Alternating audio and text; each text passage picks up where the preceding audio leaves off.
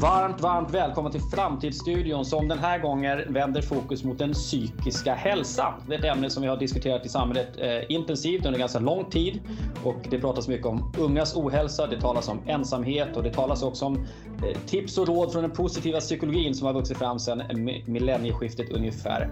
Och vad är utmaningarna och vad kan vi göra och hur blir det i framtiden? Det ska vi förstås borra oss in i detta avsnitt av Framtidsstudion.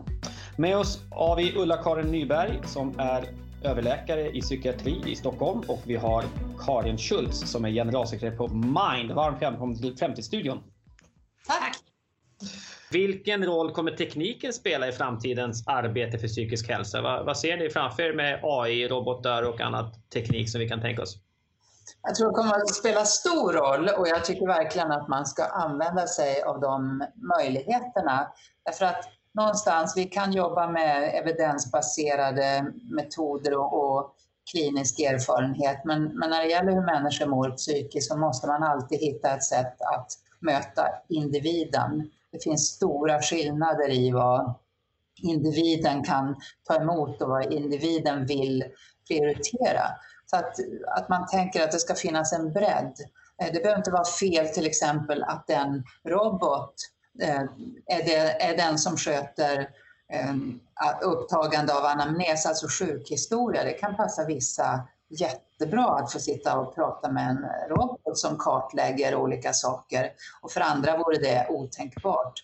Eh, kognitiv terapi via internet passar jättebra för vissa men inte för alla. Kognitiv terapi passar för vissa men inte för alla. Medicinering det enda egentligen som passar för alla det är fysisk aktivitet och ett gott möte i vården. Det, det är sånt som alla behöver men i övrigt så skiljer det sig mycket. Så att vi ska vara väldigt välkomnande tror jag till olika tekniska alternativ och framförallt det här tidsbesparande åtgärder. Vi kommer att ha ont om tid och resurser och ska man uppnå visionen att kunna möta alla Eh, då måste man nog ta till, olika, äh, ta till teknik. Just det. Jag tänker Karin som leder en organisation som faktiskt levererar stöd i praktiken också på ideella grunder. Så att säga. Vad, vad ser ni för möjligheter?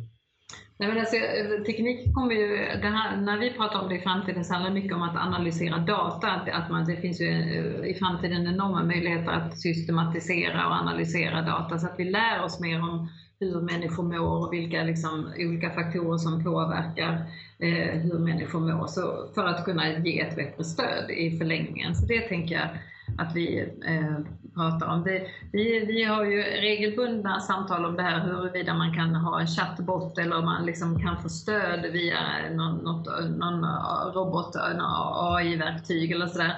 Men samtidigt så känns det som, just nu i alla fall, ligger det en bit bort, det här mänskliga samtalet och mötet och den kontakt eh, som vi ser som i, dagligen i vår, våra stödlinjer, den är liksom, den går inte att göra av en, eller skapa av en robot. Så att vi, vi ser fortsatt att den här mänskliga kontakten kommer att vara ovärderlig för att människor kommer att må bra även i framtiden. Mm. Ja, den går aldrig att ersätta, men den kan kompletteras med, med olika andra metoder. Men, men apropå, apropå datainsamling och dataanalys och preventivt arbete. Tror ni vi i framtiden på grund av resursbrist men också med tekniska möjligheter kommer avkräva människor att lämna ifrån sig mer så att säga, eh, data om sitt mående så att man kan upptäcka tendenser långt innan de själva kanske är medvetna om det. Jag har förstått att det redan nu finns appar som eh, tittar och lyssnar hur man använder sin smartphone och utifrån det ska kunna se tecken då på psykisk ohälsa i vardande. Eh, men det blir förstås en integritetsfråga. Men kommer den integriteten få stå tillbaka för resursbristen och behovet av att upptäcka saker i tid? Vad tror ni? Jag tror man kan kombinera det där i, i Sverige och det har säkert att göra med att vi inte har varit i krig och inte har varit ockuperade eh, under väldigt lång tid. Vi, är ju, vi, vi, vi, lämnar ganska glatt ifrån oss information om oss själva och deltar gärna i undersökningar av olika slag. Men det gäller ju verkligen att hitta en balans mellan integritet och datainsamling. Så att det här är ett komplext område. Man får mm. inte vara för snabb, man måste titta på konsekvenser och man måste titta på både fördelar och nackdelar. Nej, men jag tror, jag tror verkligen att man kommer att liksom vara mer, eller just man har mer kunskap om vad man behöver, att det påverkar en. Men att till exempel, vi har pratat mycket om träning och det påverkar en. Att, det, att på något sätt att det, det kommer att eh, finnas erbjudanden att man liksom hittar, ja, att man samlar data som, som därmed liksom ramlar ut i någon slags eh, riskbenägenhet eller benägenhet, sårbarhetsfaktorer eller sådär. Det tänker jag är en naturlig del av framtiden, att vi blir mer medvetna, vi har mer kunskap om vad är det som påverkar oss och vad är ett positivt, liksom, eh, positivt beteende och vad är ett negativt beteende och att vi drar slutsatser av det och kanske få, jag menar, få hjälp med att, att, ähm, att hantera jag menar, våra liv eh, genom den typen av information. Att vi vet att det här behöver jag för att må bra och då kanske jag är mer benägen att göra det eh, än om jag inte har den kunskapen. För den kunskapen har ju inte hela befolkningen idag. Det ser vi ju att det är många som är socialt eh, utsatta grupper som inte har den kunskapen och vet inte på samma sätt hur man ska leva för att må bra och vad man ska äta för att må bra. Så att, det, att den kunskapen på något sätt delas av fler är ju viktigt. Ulla-Karin, berätta lite. Vad gör du i din roll? Vad är du eh, ägnar dig åt som praktiker och forskare?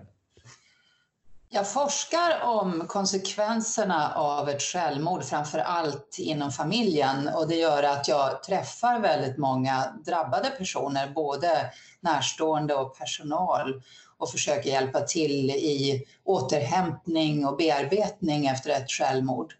Sen träffar jag patienter som brottas med självmords självmordsproblematik. Jag skriver böcker och riktlinjer och rutiner och deltar i alla möjliga sammanhang. Så att man kan säga att hela min tillvaro eh, av det professionella slaget är inriktad på självmord och självmordsförebyggande arbete. Ja, just det. Så du möter många olika aktörer, och både, som säger, både patienter och vårdgivare på olika sätt som jobbar med de här frågorna? Ja, det gör jag. Mm. Och Karin, berätta, Mind, vad gör du där och vad gör Mind? Jag leder verksamheten på Mind och Mind är en ideell organisation och vi jobbar med att ge medmänskligt stöd i olika stödlinjer och vi sprider kunskap och arbetar med påverkansarbete för att ge en röst åt de som drabbas av psykisk ohälsa. Mm. Det här med självmord är förstås en, en, eh, djupt tragisk händelse och det är mörkt och kan jag tänka mig periodvis eh, ja, deppigt att jobba med det. Hur kommer det sig att ni kommit in på de här områdena, Ulla-Karin? Hur kommer det sig att du hamnar i det här eh, kunskapsområdet? Ja, man kan verkligen undra det. Jag undrar själv ibland, för jag har jobbat med trauma och svåra händelser i hela mitt vuxna liv. Jag är cancerläkare i botten. Jag tror det handlar om att jobbar man med död och kris och trauma, då måste man vara mer fokuserad på liv än på död. Och det där tycker jag är så spännande och utmanande. Och också det här att man kan hjälpa människor med väldigt små medel om man lär sig att stanna kvar och tro på att ens närvaro har betydelse. Ja, intressant. Jag tänker också att vissa typer av yrken och arbetsuppgifter man jobbar med, de är så allvarliga och liksom eh, meningsfulla att man kan inte tänka sig att byta till något mer banalt. så att säga. Man blir lite fast i en, i en nivå av livets djup och allvar som kan vara svårt att lämna. Är det så? Ja, det är helt sant. Jag jobbar väldigt mycket med corona nu och det märker jag verkligen att jag, jag, skulle aldrig kunna byta ut eh, det här området som jag ägnar mig åt till någonting lite mer lättsinnigt. När jag kommer in i coronavärlden så passar det mig väldigt bra för att jag är van vid de här svåra situationerna. Eh, så att det blir nästan lite beroendeframkallande på gott och ont. Ja, just det. Är det har du lite svårt att skärpa till det när det inte är på riktigt, eller då? Ja, lite grann. Jag kan, jag kan bli lite trött på det som är alltför lättsinnigt eller ytligt eller vardagligt. Eh, det, det har svårt att fånga mitt intresse. Jag minns att jag var med, jag var med i någon intervju på radio en gång och eh, den mycket välkända eh, programledaren frågade mig Eh, om det här med ålderskriser. Vad, vad, vad, vad, säger folk till dig om ålderskriser? Och jag svarade henne att det är aldrig någon som pratar med mig om ålderskriser för jag jobbar med självmord. Och det, hon blev lite, eh, lite paff men jag tänkte efter, det är faktiskt sant. Det, det, är nog inte så att man vänder sig till mig för att prata om sin åldersnoja utan man vänder sig till mig för att berätta om sin dotter som har ätstörning eller sin eh, pappa som inte orkar leva längre. Det här, förlåt, alltså, det där tycker jag är superintressant för jag kan själv uppleva det. Eh, jag jobbar inte med samma allvarliga frågor som du gör men jag har också så här på något sätt. Eh, det är helt klart så att det finns en hel del av det som pratas om i samhället som inte rör mig särskilt mycket. Och jag tänker att man får de samtal som man själv på något sätt intresserar sig för. Folk förstår det där på något sätt och, och kopplar ihop. Eh, och man får inte höra vissa grejer, folk bollar inte det. det är liksom, de förstår att det är återvändsgränd. Eller ja, det, är, det är som att man hade en lapp i pannan där det står vad man jobbar med. Jag har ofta funderat över det och också använt mig av det i min undervisning för att det här vad som står på min lapp i pannan är ju viktigt att reflektera över. Vad är det jag utstrålar? Och stämmer det med det jag vill utstråla? Jag har ju varit med om det hur många gånger som helst att jag har varit på en fest och det tar fem minuter så är det någon som står och berättar för mig om ett tragiskt självmord i nätverket. Det hände mig till och med på ett gym när jag var där och den personen vet jag visste inte alls att jag jobbar med självmord. Så att någonting utstrålar man. Ja, just det. det måste man lära känna. Ja, om inte annat eh, verkar det som en, en känsla, en anledning för folk att lita på dig, få förtroende. Det måste vara en väldig tillgång förstås, det du gör. Ja, och det kan ju också överutnyttjas. Man får inte tro att man är oumbärlig och man, får, och man måste ju också själv kunna vila sig och vara lite lättsinnig ibland och man måste framförallt kunna unna sig och, och känna glädje och göra roliga saker.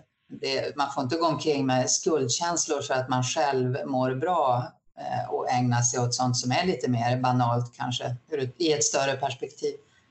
Det, det var en bra avrundning tycker jag. Vi går över till Karin där och kollar. Hur kommer det sig att du eh, jobbar med Mind och de frågorna som ni jobbar med?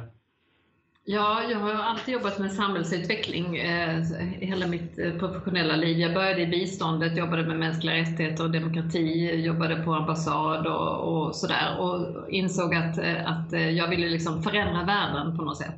Eh, med hjälp av, av eh, bistånd. Och sen insåg jag att det är liksom för att kunna förändra världen måste man jobba liksom med mindre entiteter. Så jag började jobba med organisationsförändring och ledarskap och sen så insåg jag ja men organisationen består ju ändå bara av människor så jag måste jobba med människor.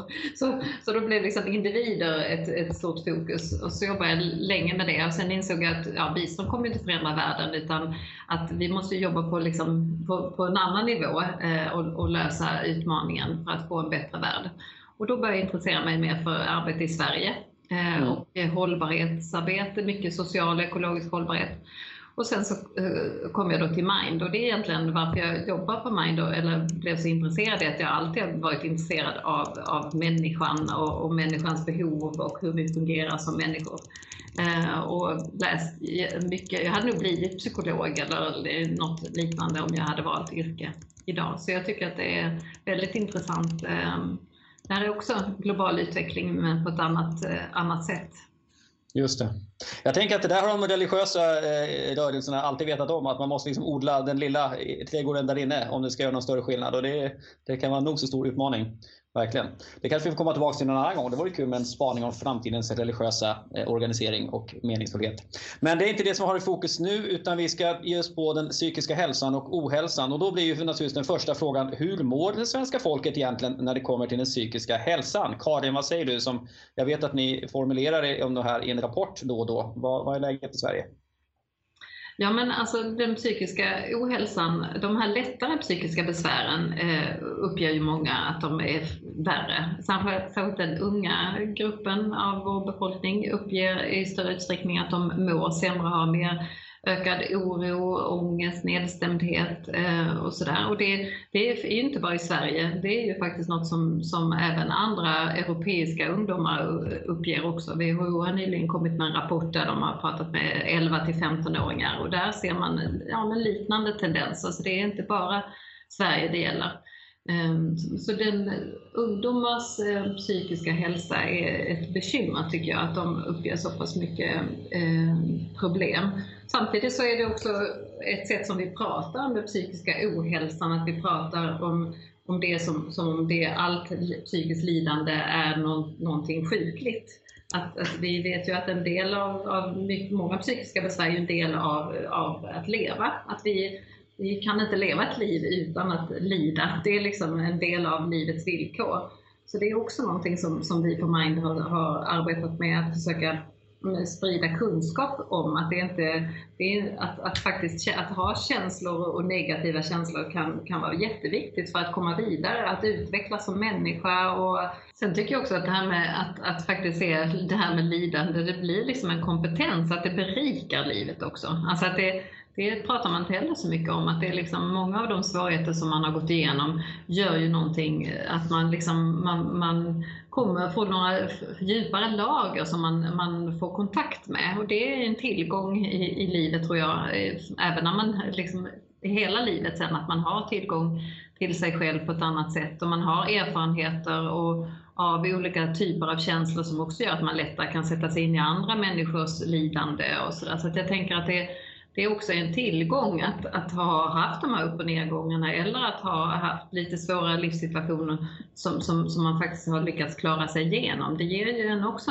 en, en särskild eh, liksom, tillfredsställelse att, att ha lyckats ta sig igenom en svårighet och det är ju någon slags kompetens som man bär med sig. Det, ser, det är jätteviktigt. Jag, jag ser det hos många av mina patienter nu under coronapandemin. Då säger de ja, men jag vet ju hur man hanterar ångest och jag är van vid att vara orolig. Och en patient hon sa till mig, jag är expert på isolering, för jag har ju levt isolerad i större delen av mitt vuxna liv. Eh, och så fick hon berätta hur hon gör för att hantera sin isolering. Hon hade ju jättekloka råd. Och jag tänkte att om alla gjorde som hon, då skulle man må betydligt bättre. Så att det är verkligen en kompetens och därför ska man akta sig för att vara rädd för sitt lidande för att om man försöker fly från sitt lidande på olika sätt, då lär man sig ingenting och då behåller man sin sårbarhet. Ja, men det betyder alltså, möjligtvis kan man ju tolka det som att om nu de unga är mer sårbara, vilket har varit min eh, lilla spekulation efter att jag sett även vår statistik som vi har på Carries Future när vi frågar unga och äldre om hur de mår och hur de upplever ångest, oro och så vidare. Eh, då har jag tänkt så här, ja, men det kan inte bero på att livet är så himla miserabelt, för ganska många unga är ju också väldigt nöjda med sitt liv. Ja. Eh, så att det är någonting annat här och det har med sårbarhet att göra, det har med eh, en diskurs att göra, ett språkbruk kring hälsa och det har med att känna efter att göra, tror jag. Eh, men är det så, är det här en konsekvens av att livet är så jämförelsevis så enkelt för så många att man skapar, man, man utvecklar inte någon resiliens? Kan man ja, tänka Många brottas med en existentiell tomhet. Vi har, vi har inte så mycket att kämpa för annat än för det som handlar om prestation. Hur ska jag använda mina utförsgåvor på bästa sätt? Hur ska jag tjäna pengar? Hur ska jag skaffa mig ett bra jobb? Och så vidare. Eh, och det, där, det där är lite riskabelt. Nu om man tittar på coronapandemin igen så ser man ju när människor slåss mot en gemensam fiende, när man har samma mål, så uppstår ju en kraft i det som är starkt förenande att vi hjälps åt. Det känns väldigt meningsfullt att jobba tillsammans för att klara av den här pandemin till exempel. Och i det vanliga livet när man har alla sina grundläggande behov tillfredsställda eh, så är det kanske svårare att hitta meningen med livet. Ja, vad tänker Karin? Ser ni det här i ert möte med de som söker stöd hos er? Tomhet? Ja, Ja, tomhet, ensamhet också det här, alltså det är den här känslan av att, att eh, man inte känner sig värdefull som du också pratar om. Att det, ja, det är liksom, ja, jag, ingen behöver mig helt enkelt. Jag är inte värdefull ja. i något sammanhang. Jag, jag, är inte unik på något sätt. Det, är liksom, eh, och, och det handlar ju mycket om att man ska arbeta för sin egen framgång. Just det. Ja, för då är vi inne lite på så riskfaktorer. Vad är det som gör att människor får eh, psykisk ohälsa? Eh, och det jag tycker är intressant med det ni säger, eh, det här med att vara behövd, eh, känna sig att man har någonting att bidra med, det är också en faktor till, till motivation och känna tillhörighet och kompetens och, och eh, kunna eh, helt enkelt spela en roll för människor. Och då är det intressant som du säger, ett samhälle där vi har frigjort individen så mycket som möjligt från, från familjebakgrund och andra eh, sociala relationer och samtidigt har vi låtit barn vara barn mycket längre. Alltså det är väldigt sent man blir vuxen idag och axlar något slags vuxet ansvar eh, jämfört med tidigare generationer. Eh, och det är ju intressant att båda de här två samverkar då kanske till att känslan, det spelar ingen roll om jag så att säga, studerar färdigt och har något att bidra med för det, det, liksom, det syns inte vad jag ska jacka i det här oerhört komplexa och väldigt väl sammanskruvade systemet så att säga. Eh, så att det, men vad finns det mer för riskfaktorer till psykisk ohälsa än känslan av meningslöshet eller i värsta fall då att man inte spelar roll för någon? Vad, vad kan vi mer se för stora drivkrafter bakom psykisk ohälsa? Ja, stress är ju en jättestor drivkraft till den psykiska ohälsoutvecklingen och det finns ju en väldigt stark ökning i Sverige och i andra länder av stressrelaterad sjukdom. Eh, och det har ju väldigt mycket att göra med dels överbelastning i arbetslivet men faktiskt också underbelastning, att inte ha ett jobb, att ha ett arbete man upplever som helt meningslöst. Eh, då, då har man mycket större risk att drabbas av eh, stresssjukdomar. Sen en väldigt stark koppling till, till ekonomi alltså dålig ekonomi, att ständigt vara orolig för sin ekonomi, det är en viktig riskfaktor. Just det. Den här gruppen som du menar stressas av att de har meningslöst jobb, eh, vad är din uppfattning? Hur stor är den av, av alltså hur stor andel av alla som lider av stress på en, i svårare grad? Alltså pratar vi 10% 50% eller vad, vad det? Ja, det kommer vi att se nu när, när fler och fler blir arbetslösa. Den typen av psykisk ohälsa kommer att öka som är kopplad till att man inte har någonting att göra, att man inte ingår i ett sammanhang, att man inte har en meningsfull sysselsättning. Så att den är ju väldigt beroende på graden av arbetslöshet i ett land. Ja just det, men det jag, det jag tyckte var riktigt intressant var de som trots allt behåller ett jobb men som har ett meningslöst jobb. Du var inne på att man känner, om jag förstår det rätt, att det är också en stressande faktor. Att man känner ja. att man går till någonting som inte spelar roll. Ja, antingen att man går till någonting som inte stämmer med, med de värderingar jag har, där jag får tvinga mig till mina arbetsuppgifter och, och byta ihop och lägga i en ny växel hela tiden. Eller också att jag har ett arbete eh, där jag inte har någon som helst möjlighet att påverka min arbetssituation. Ja. Busschaufförer är ett sånt här klassiskt exempel. Man får inte ens bestämma själv när man ska gå på toaletten. Just det. Men den, den, att man inte känner att man har kontroll upplever ju även sjuk, sjukvårdspersonal och lärare och sådär. Att, att det, är liksom, det är en väldigt stress, stressig situation på arbetet men man kan inte påverka den. Den är liksom, mm. Den är, ja, så den är inte, det, där upplever man nog inte att meningslösheten är så stor. Det handlar mer om att, att man kan inte påverka sin arbetssituation och att man därmed inte heller kan göra ett tillräckligt bra jobb. Att det är också ja. en väldig otillfredsställelse i det. Den här etiska stressen man brukar eh, prata om som är så viktig, att jag har en vision för hur jag vill utföra mitt arbete, vad jag tycker är rätt och sen får jag jobba på ett sätt där jag inte kan ge det. Där jag kanske uppfattar en massa behov hos mina patienter men jag kan inte tillfredsställa de behoven därför att jag ständigt har tidsbrist till exempel. Den mm. etiska stressen är också en jätteviktig riskfaktor när det handlar om stressrelaterad ohälsa.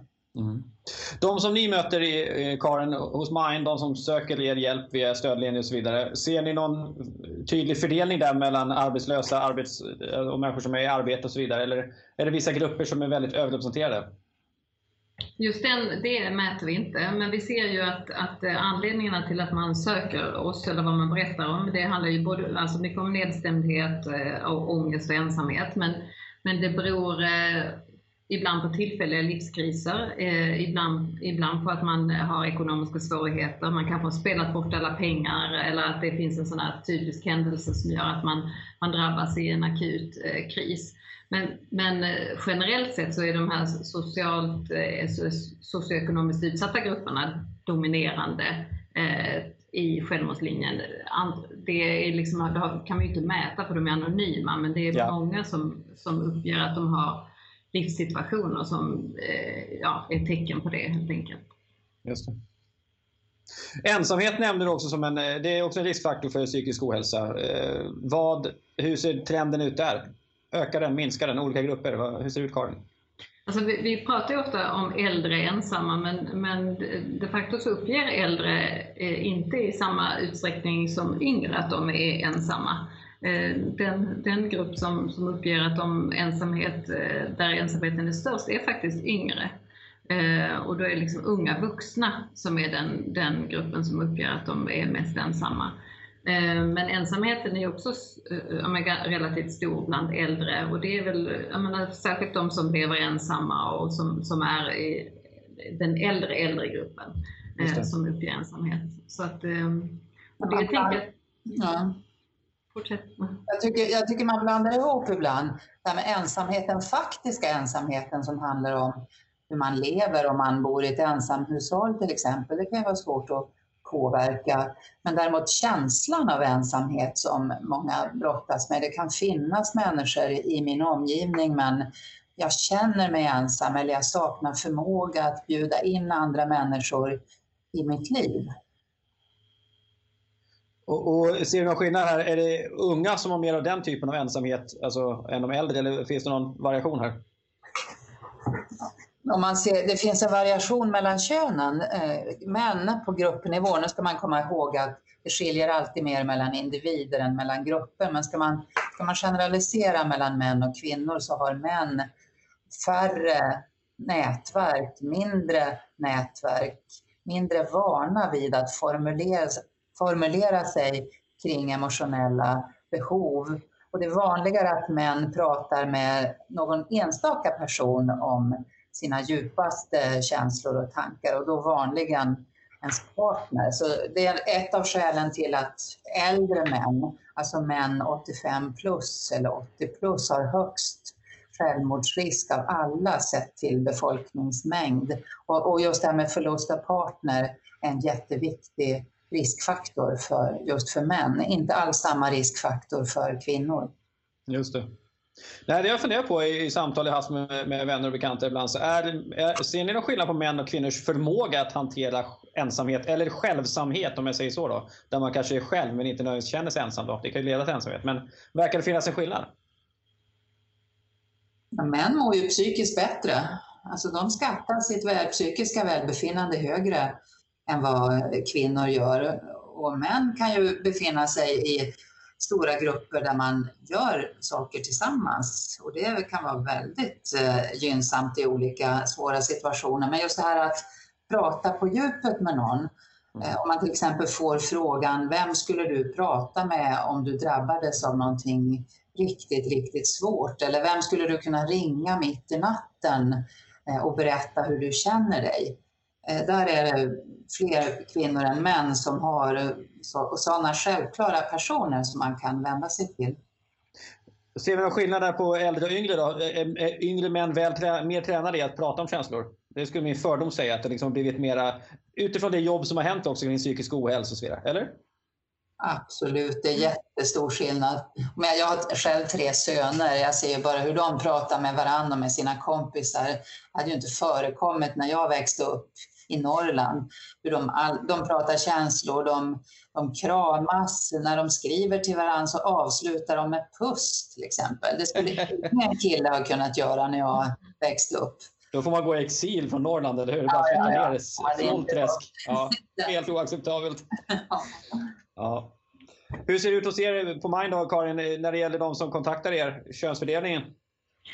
Vi har eh, fler kvinnor som kontaktar oss. Eh, så det, det vore faktiskt intressant att se om det har hänt någonting de senaste månaderna. Men, men ungefär 70% är kvinnor och 30 är män som kontaktar oss i självmordslinjen.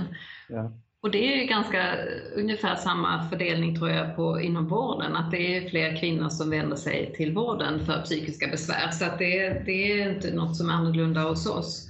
Men eh, vi, vi, vi tror att vi lockar eh, till oss fler män nu och särskilt yngre män och det tror jag har lite att göra med det här stödet som vi har fått eh, av Tim Berglings stiftelse genom Aviciis död och att det därmed har liksom uppmärksammats mer att han han, eh, den tragiska händelsen att han tog sitt liv har då gjort att, att många har liksom börjat prata med varandra och det har blivit mer, mer accepterat att, att eh, liksom prata om självmordstankar och sådär. Och då, då hoppas vi att vi också lyckas, eh, lyckas locka dem till oss att de faktiskt vågar prata anonymt i vår självmordslinje. Kanske som ett första steg, att provprata med oss och sen kan de prata med närstående när de har kanske satt ord på det en gång först hos oss. Mm. samtidigt är det ju 70 procent kvinnor mår sämre psykiskt, söker mer hjälp för psykiska besvär.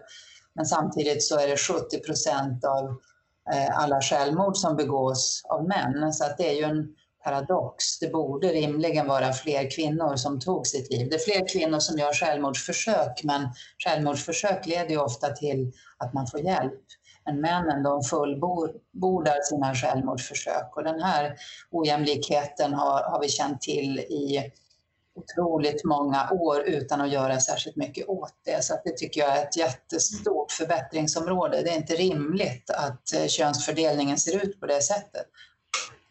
Men det kanske slår igenom sen nu när de yngre männen blir bättre på att prata, att det kanske vi fortfarande ser, eh, i och med att det är de äldre männen som, som eh, fortfarande slår igenom i statistiken, men att, att, att de yngre männen pratar med, med varandra, att det skulle kunna liksom också leda till att, att det förändras, tänker jag. Ja, det tror jag också. Ja, jag har hört någon som har spekulerat om att en anledning skulle kunna vara att män i allmänhet är bättre på allting som har med våld att göra, även när det riktas mot sig själv. Att det finns någon aspekt av det. Vad, vad tror du om det? Ja, men det är det här man ska göra. En riktig kar ska ju göra saker ordentligt.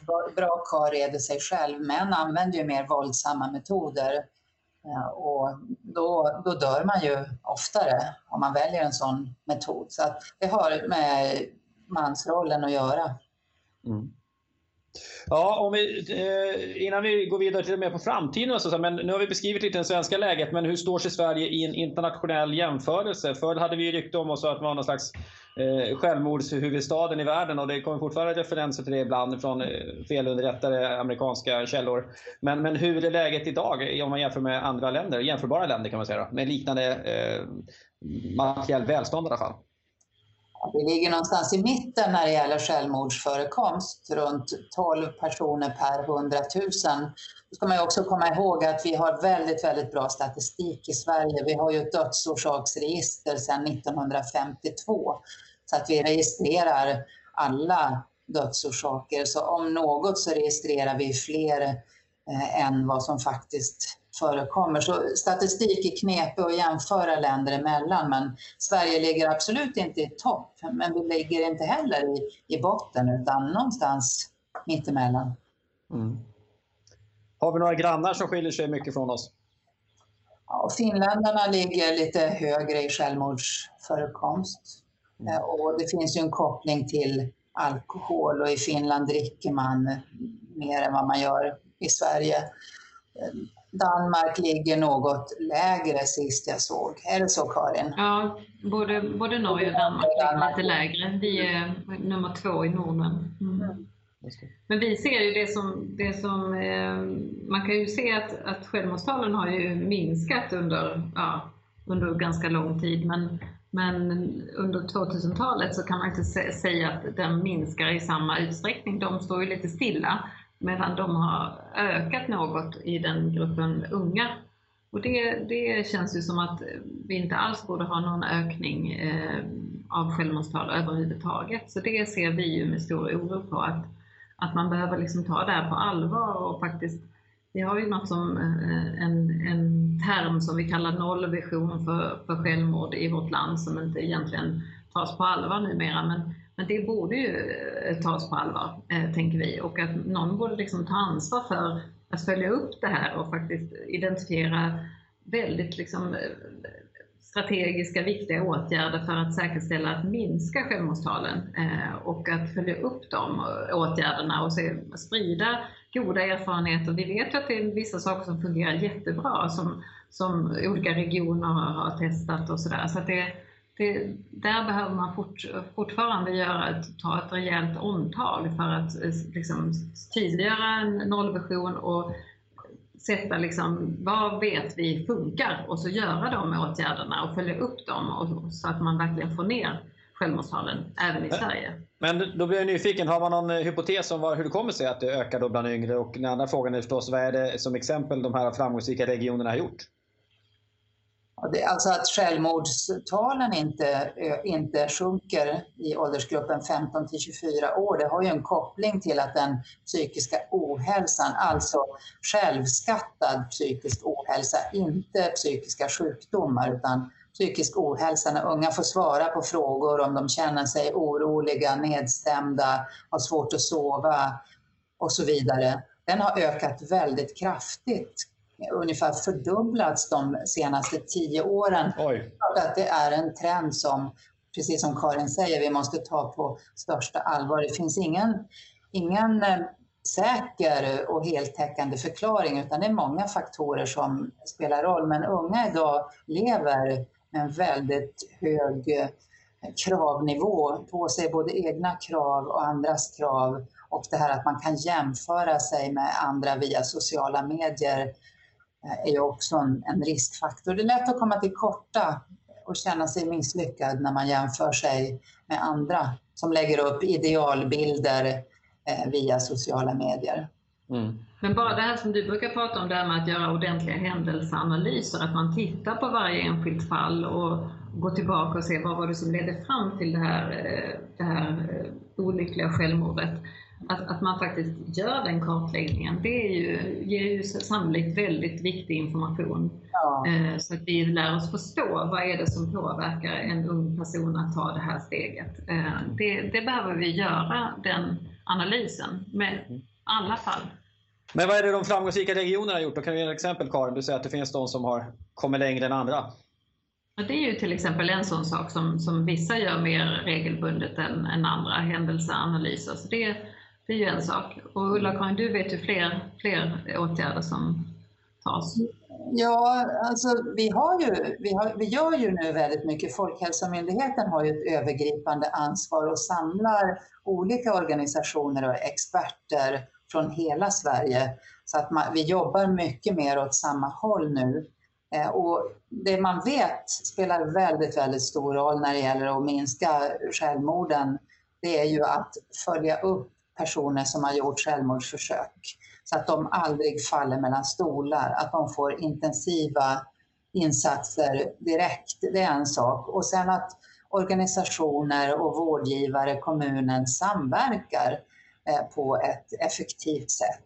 Igen så att man inte faller mellan stolar utan kommer man till vårdens kännedom då ska man följas upp och man ska få lära sig alternativ nästa gång livet känns outhärdligt. Vad kan, vad kan jag göra istället för att skada mig själv? Sen är det ju det här med arbete, förebyggande arbetet med droger och alkohol. Ungdomar idag dricker mindre men använder mer droger som är allt mer lättillgängliga och det är också en stor riskfaktor. Men det, det, finns väldigt mycket som vi vet eh, så att vi behöver inte utöka kunskapen utan nu gäller det verkligen att jobba med hur ska man göra, hitta olika eh, olika handlingssätt som man vet fungerar och så använda det i praktiken. Just det. Den här frågan om psykisk ohälsa eller människor som är, lider av detta eller om man hårdrar det, folk som är galna för att använda ett slarvigt uttryck, så har ju alltid varit liksom lite tabubelagt det är någonting farligt att hamna i den sektorn eller bli stämplad som det och så vidare. Och, och, framförallt historiskt. Men det här har ju naturligtvis förändrats över tid. Hur skulle ni beskriva den förändringen eh, de senaste 20 åren och vad tror ni är utvecklingen framåt? Karin? Jag tänker att eh, det, skammen har ju definitivt minskat gällande eh, psykiska besvär och psykisk sjukdom. Och det är ju också i och med att vi pratar mer om det, att det finns liksom en, en samhällsdebatt kring det och, och, att det är mer synligt. Så, så kunskapen har definitivt ökat. Men vi är inte färdiga med det. Vi behöver fortsatt öka kunskapen om, om psykiska besvär och psykiska sjukdomar. Eh, så där tänker vi att, att det finns mycket att göra. Men, men det är ju på något sätt, eh, det handlar ju om någon slags eh, psykologisk trygghet, att vi blir osäkra om det är en person som inte riktigt beter sig som vi förväntar oss eller att, att, det, att om, om det är en person som inte alltid beter sig på samma sätt och sådär. Så det är ju något väldigt mänskligt att känna en osäkerhet eller otrygghet inför en person som, som är lite inte så tillförlitlig i sina reaktioner eller responser.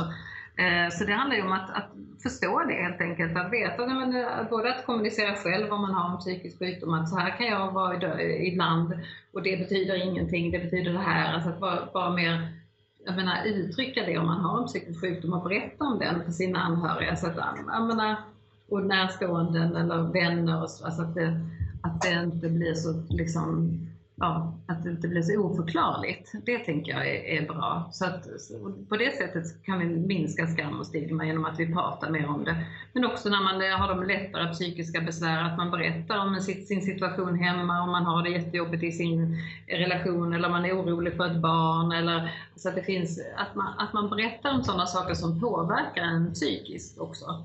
Eh, för att, eh, det märker ju människor av. Att vi, vi, vi känner ju av varandras energier på helt andra nivåer än vad vi liksom alltid är medvetna om. Så att jag tänker att, det, att vi ska liksom, ja, bli bättre på att prata om sånt som är viktigt för oss på riktigt och, och det, det kan då minska skam och stigma. Mm. Eh, det är en anledning till att vi också har, eh, instinktivt ibland backar från den som mår dåligt. Vi, alltså vi vet att eh, känslor och känslotillstånd smittar. Är det, är det liksom en biologisk programmering vi har också? Man alltså- backar, man backar från det som eh, är nytt och obehagligt. Och I Sverige backar vi också ibland därför att vi tänker oss att om jag förstår hur en människa mår, då är det jag som är ansvarig för att ta över den personens eh, problem och lösa dem. Vi är ganska lösningsorienterade och det är därför vi måste komma tillbaka till värdet av att mötas i det som vi faktiskt alla har gemensamt. Vi alla vet någonting om hur det känns att inte må psykiskt bra. Därför borde vi kunna prata om det med egentligen vem som helst utifrån att du, du känner som jag. Det hade lika gärna kunnat vara jag som var i din situation. Och det där börjar vi hitta tillbaka till, tror jag. Men jag tror också när det gäller stigma och psykisk sjukdom, vissa sjukdomar är lättare att prata om nu. Eh, utbrändhet till exempel, utmattningsdepression, kanske depression, kanske ångest, panikångest, social fobi, det kan man prata om, men schizofreni, det pratar man fortfarande inte om. Psykossjukdomar, beroendetillstånd, det är väldigt, väldigt laddat och, och skamfyllt. Bipolär sjukdom, där har man kommit ganska långt. Jag, en, jag var och föreläste och så var det en deltagare, vi pratade om hur berättar man på jobbet? Att man har bipolär sjukdom. Och det här var en äldre kvinna som sa, ja, jag brukar säga så här, inte för att jag vill skryta, men jag är bipolär. det var underbart. Ingen skulle säga, inte för att jag vill skryta, men jag har schizofreni. Där är Nej. vi inte än. Och jag, jag tror väldigt starkt på det här att man måste få vara med trots att man inte presterar till 100 procent. Det måste i vårt välfärds samhälle vara möjligt att hitta en plats för människor som är annorlunda eh, än, än de flesta. För att precis som Karin sa, det är en kompetens att ha gått igenom psykiska svårigheter. Det finns många fördelar med det också, inte minst på en arbetsplats. Ja, det, det, tycker jag också är jätteviktigt och det fanns ju tidigare. Alltså var ju eh, på något sätt, i alla fall på de arbetsplatser jag varit på, var det många som hade olika menar, funktionsnedsättningar och sådär. Ja. Det, det, det, var liksom okej. Okay. Man hade en funktion i vaktmästeriet eller man liksom hade ett, liksom en tillhörighet. Så det, det tänker jag är, är jätteviktigt. Men sen så det, på tal om det här med kultur på en arbetsplats så, så det finns ju också forskning som visar att, att om man då lyckas om man har en kultur på en arbetsplats som, som är tillåtande där man faktiskt berättar om hur man mår eller kanske att man har, det, ibland mår man lite sämre, det kan vara liksom att man jag menar, under ett år så kanske man faller ner i en, en nedstämdhet under fyra, fyra gånger per år. Eller så där. Då behöver man, liksom, jag menar, man vet hur man ska ta hand om sig, men man behöver jobba lite mindre, man behöver liksom skapa särskilda förutsättningar för att man ska liksom ta, ta sig uppåt igen. Och då, så om man pratar om det så, så minskar sjukskrivningstalen totalt sett och sådär. Så, så det, det finns ju väldigt positiv forskning som, som talar för det, att, att, eh, att människor presterar även bättre. Så om inte det finns andra skäl, mer mänskliga skäl till att, att det är bra för oss att faktiskt prata om det och, möta varandra och, och låta oss vara olika och fungera så som vi faktiskt gör och visa det, så, så finns det också ekonomiska skäl till att, att tillåta att människor Eh, få liksom berätta om saker på jobbet och därmed kan de lättare hantera de situationerna. Om jag nu behöver vara lite mer ledig eller ta lite, ha lite liksom mer mm, ja, begränsade arbetsuppgifter en period så kan jag prata med min chef. Då är det jättebra eh, för hela arbetsplatsens eh, effektivitet och välbefinnande. Och människor är så intresserade av det här. Det är mycket intressantare med psykisk sjukdom och psykisk ohälsa än vad det är med tarmsjukdomar eller annat som vi, som vi har lätt att prata om. Vi pratar gärna om våra eh, urinvägsinfektioner nu för tiden. Det är inte så tabubelagt. Eller vår bröstcancer. Jag har själv haft bröstcancer och det var ju jättelätt att prata om. Alla var så intresserade för att man kan relatera till det här med bröstcancer. Eh, och jag, det är mycket roligare att prata om det psykiska. Så att, eh, jag, jag har hittills inte träffat en enda person som jag kan påminna mig när jag har sagt vad jag jobbar med som har sagt någonting annat än åh vad intressant, åh vad viktigt det där måste kännas. Sen kan man bli lite rädd och tycka att det är läskigt, men det är oftast för att man har för lite kunskap. Men att ta, verkligen ta sin utgångspunkt i hur fantastiskt fascinerande det är med hjärnans reaktioner. Ja, just det.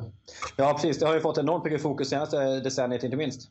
Men jag tänker också, Sverige har ju, tycker jag, en tradition av eh, att eh, av olika skäl bryta tabu. Vi har liksom pratat om hygien, vi har pratat om eh, sexualkunskap långt före många andra länder och vissa länder är det knappt fortfarande. Och så, ja, det finns en, en, en eh, rationalism så att säga som, som tränger in i ganska mycket. Hur, hur ser det här ut idag? Sverige består av människor från många olika bakgrunder. Är det stora variationer i synen på psykisk ohälsa och tillgänglighet att prata om det?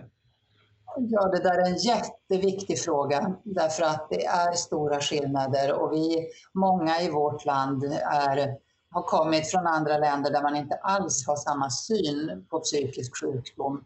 Kanske kommer från länder där man fortfarande i vissa grupper anser att psykisk sjukdom handlar om att man är besatt av en ond ande. Eh, vi har ju kommit så väldigt långt när det gäller både diagnoser och behandlingar i Sverige. Det är så lätt att glömma bort att i vissa länder har man ju inte ens tillgång till psykofarmaka. Vi klagar över att vi använder för mycket psykofarmaka men glömmer att det finns länder där man inte ens har tillgång till det på bred front. Så att vi, där behöver man verkligen utveckla ett sätt att, att prata, inte i kraft av att man själv är expert utan att man behöver förstå hur en person Eh, med en annan erfarenhet och bakgrund ser på de här tillstånden för att det är en förutsättning för att nå fram.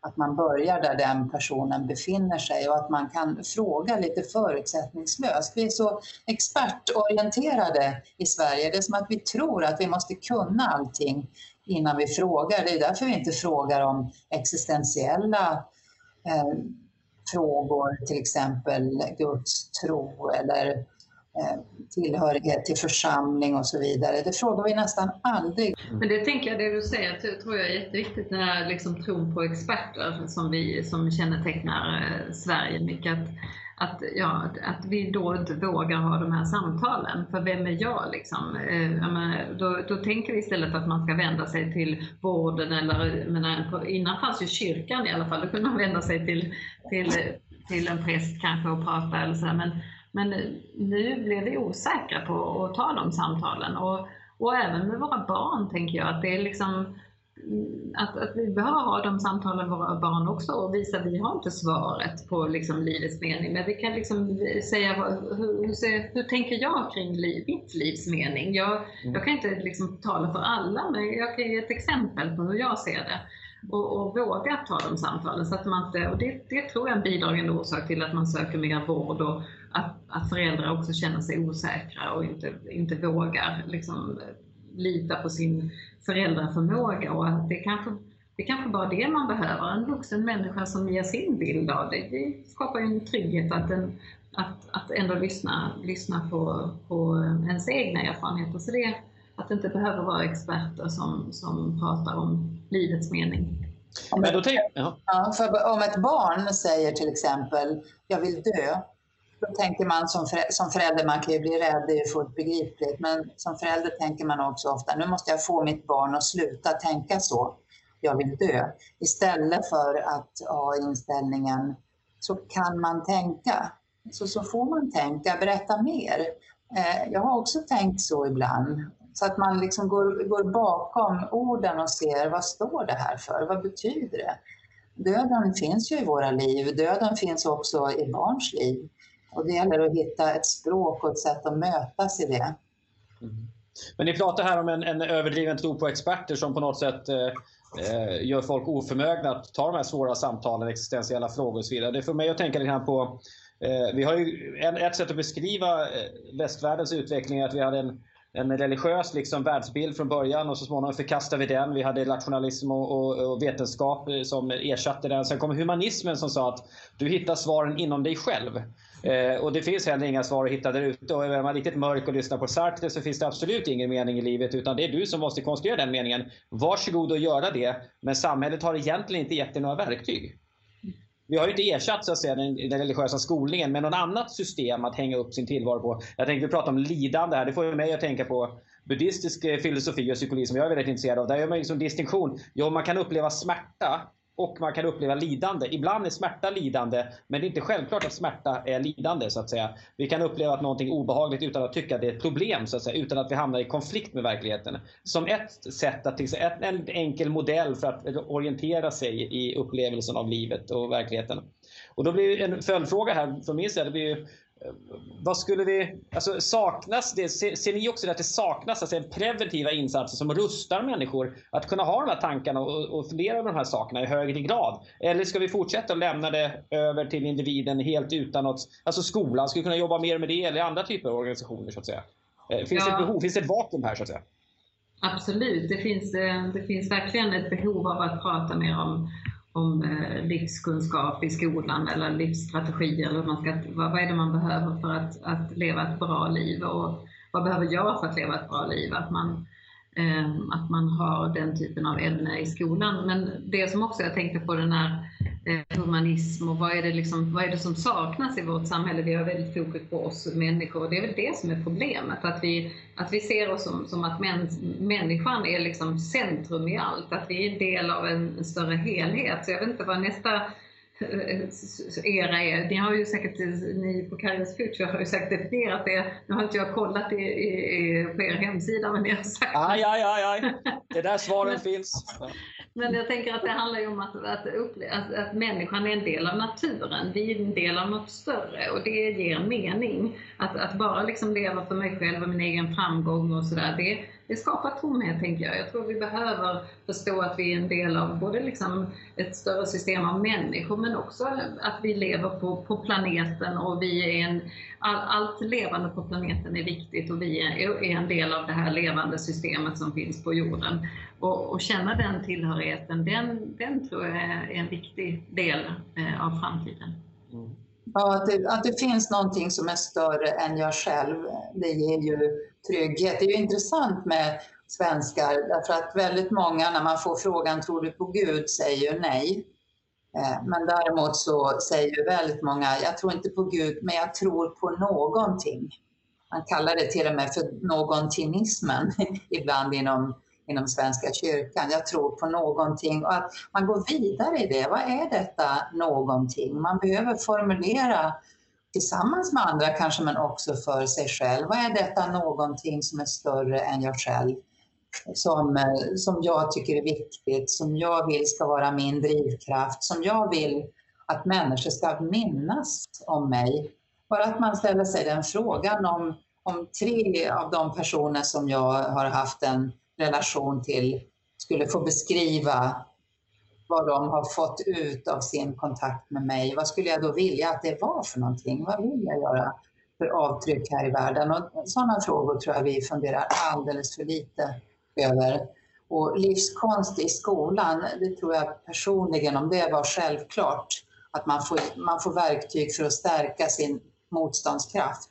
Inte bara formulera sig kring det som inte känns bra om alla barn fick den och hade de samtalen redan från förskolan så tror jag vi skulle förebygga väldigt mycket psykisk ohälsa och i förlängningen också förebygga självmord.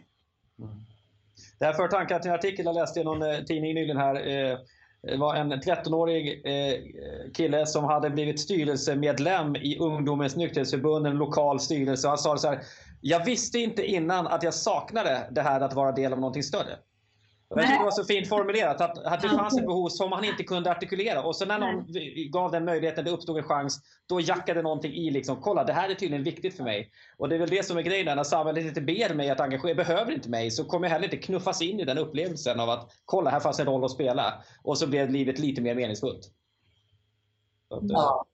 Det var härligt formulerat av en Ja, verkligen. Och man, det är det här när man jobbar tillsammans med någonting som är svårt och som är utmanande. Man kom ju varandra så nära. I, I skuggan av corona, de som jobbar med det nu, de pratar med varandra på ett sätt som de aldrig har gjort tidigare och delar saker ur sina liv. Jag har väldigt många handledningsgrupper. Eh, och jag, det, på kort tid så händer det så ofantligt mycket när det gäller hur man relaterar till varann utifrån att man deltar i någonting som är just nu större än varje enskild individ. Det är lite läskigt alltså, att välfungerande samhälle fylls med meningslöshet. Det är dagens kontenta alltså. Väldigt tragiskt. Dagens kontenta tycker jag är att människor har sån enorm potential som är delvis outnyttjad och det är bara att sätta igång och, och hjälpa varann och sig själv eh, att utvecklas inom de här områdena. Alla kan hjälpa någon annan. Jag tänker också att den här coronapandemin kan hjälpa oss lite grann att skala bort sånt som, som eh, inte är så väsentligt, som, som man kan klara sig utan. Den här, jag, jag tänker att det, både här, det blir liksom mindre ytligt. Eh, man, man bryr sig inte så mycket om vad man har på sig där hemma. Man, man, det här med att alla sociala medier som fylldes av, av ja, olika situationer som man kunde bli avundsjuk på, det har minskat. Så att man, man tillbringar mer tid med sig själv och sina nära. Det påverkar oss och vi ser på oss själva. Vi får liksom mer kontakt med, med oss själva och våra nära anhöriga. Och det kan skapa någon slags ödmjukhet. Och, menar, den kontakten gör ju också oss mer sårbara och öppna, tänker jag.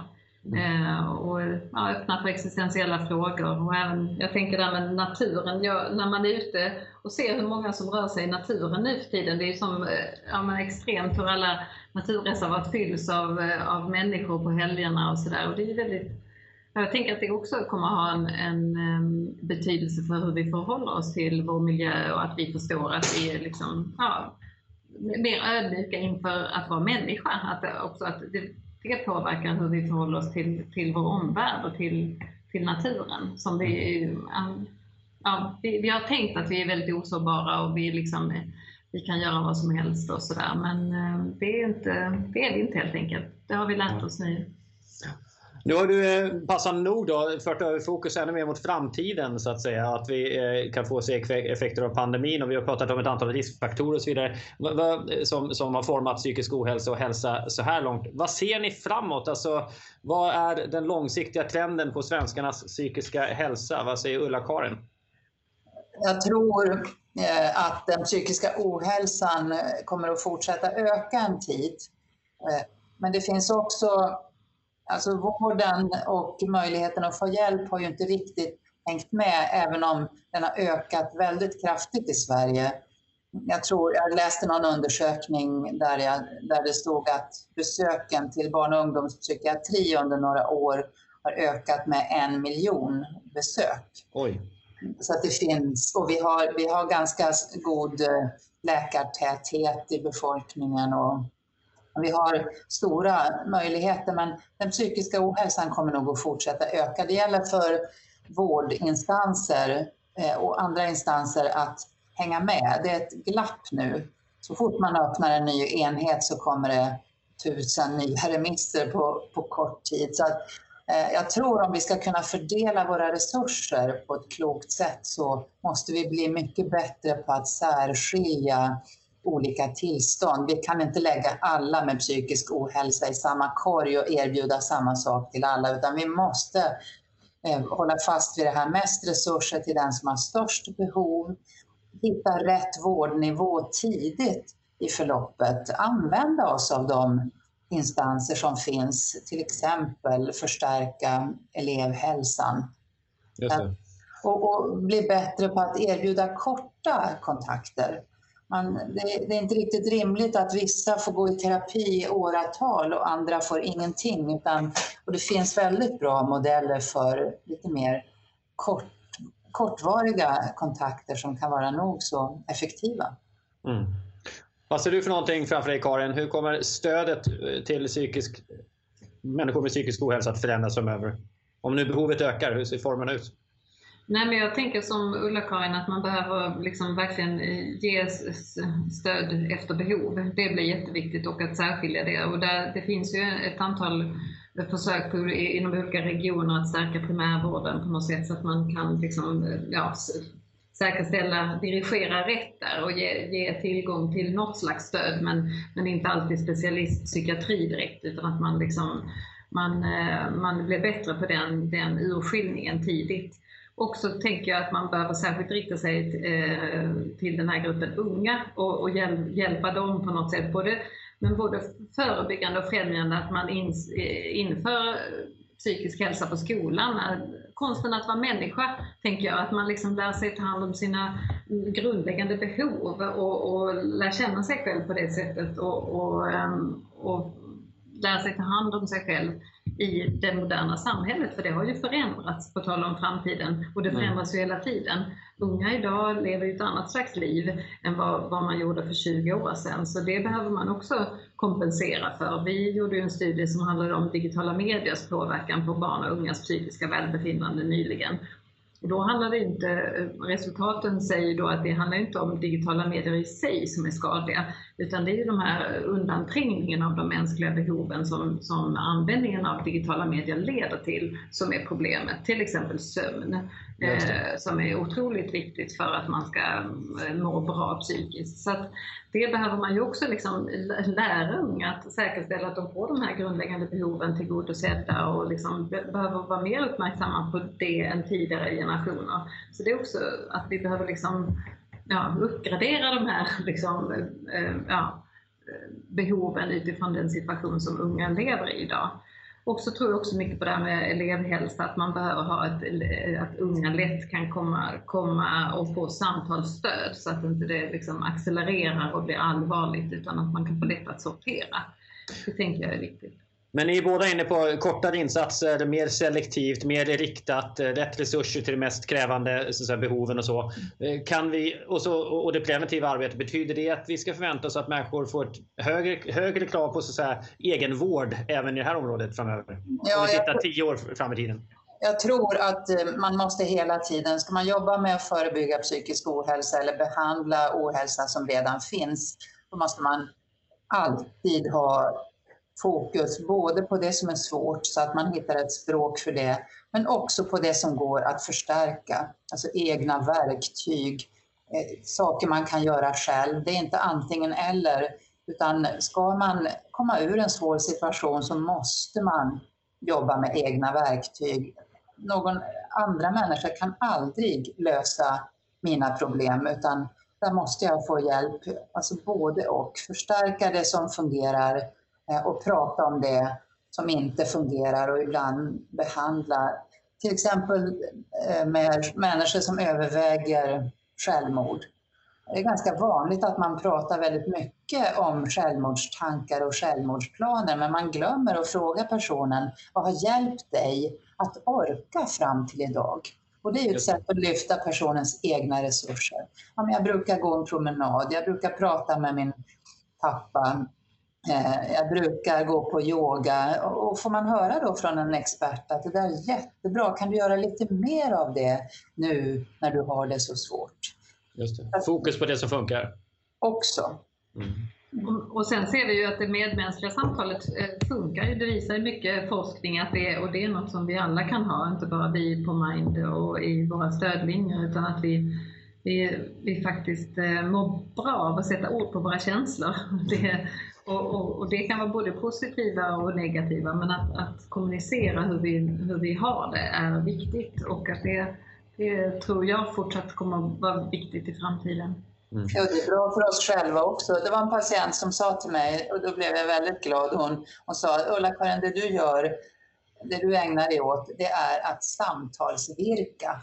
det tyckte jag var, vi virkade tillsammans det här samtalet. Det är ju ett utbyte och har man inställningen att man kan lära sig viktiga saker av sina patienter eller av sina medmänniskor, alltså man alltid har ett öppet sinne och en viss nyfikenhet, då finns det ju ingen gräns för hur viktig man själv kan bli för någon annan och, och hur viktig någon annan kan bli för mig.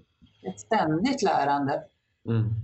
Men då tänker jag, när du pratar preventivt, ta lite mer fokus på det här. För att, Eh, jag har själv funderat kring det där när jag har eh, utbildat mig lite i social och emotionell träning för barn och så vidare. Och, tittat på skolan och vad skolan ser som sitt uppdrag. Det har vi gjort studier på på Harvard Kairos. Eh, för några år sedan. Och så höll jag ett föredrag till exempel inför skolfolk och nämnde då det här varför jobbar inte skolan mer med det här? Det tycker jag är en intressant fråga för när vi frågar 10 000 svenskar som arbetar eller studerar vilka kompetenser blir viktigare om 10 år? Då kommer till exempel stresstålighet som nummer ett.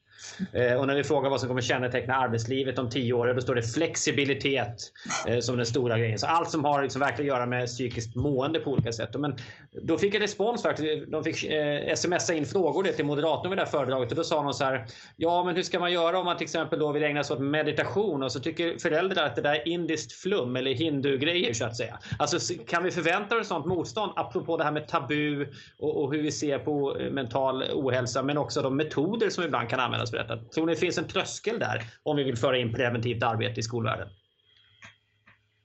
Det, det är en paketeringsfråga tänker jag. Mm. Att, att man, om man utgår från liksom grundläggande mänskliga behov, så det finns ju ganska liksom, ja, det finns ju en del forskning på det. Och vi har faktiskt eh, håller på med en, en eh, kartläggning över hur man globalt arbetar med det här med konsten att vara människa i eh, skolan. För att titta på vad, vilka skolprogram har fungerat som tar upp det här och, och, för att lära oss av dem. Så det finns ju många som har testat och det finns ju i de andra nordiska länderna också. Så att jag tänker att det finns en massa exempel som, som man kan lära sig av eh, som, som gör att det inte behöver bli så knepigt för de svenska föräldrarna. Nej. Nej, jag vet ju också forskning som tydligt pekar på att med social och emotionell träning så får man också bättre akademiska resultat och det kan ju passa en, en, en paketerings, ett bidrag till paketeringen att föra in mm. perspektivet.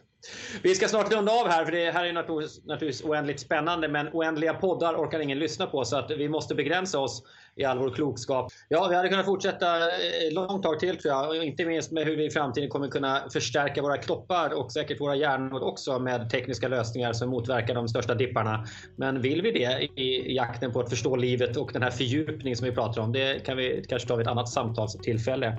Stort tack till Ulla-Karin Nyberg, överläkare i psykiatri och Karin Schultz, generalsekreterare på Mind för att ni har delgivit oss era bilder av nuläget och framtiden. Jag hoppas vi ses snart igen. Tack för den här gången gången. Tack.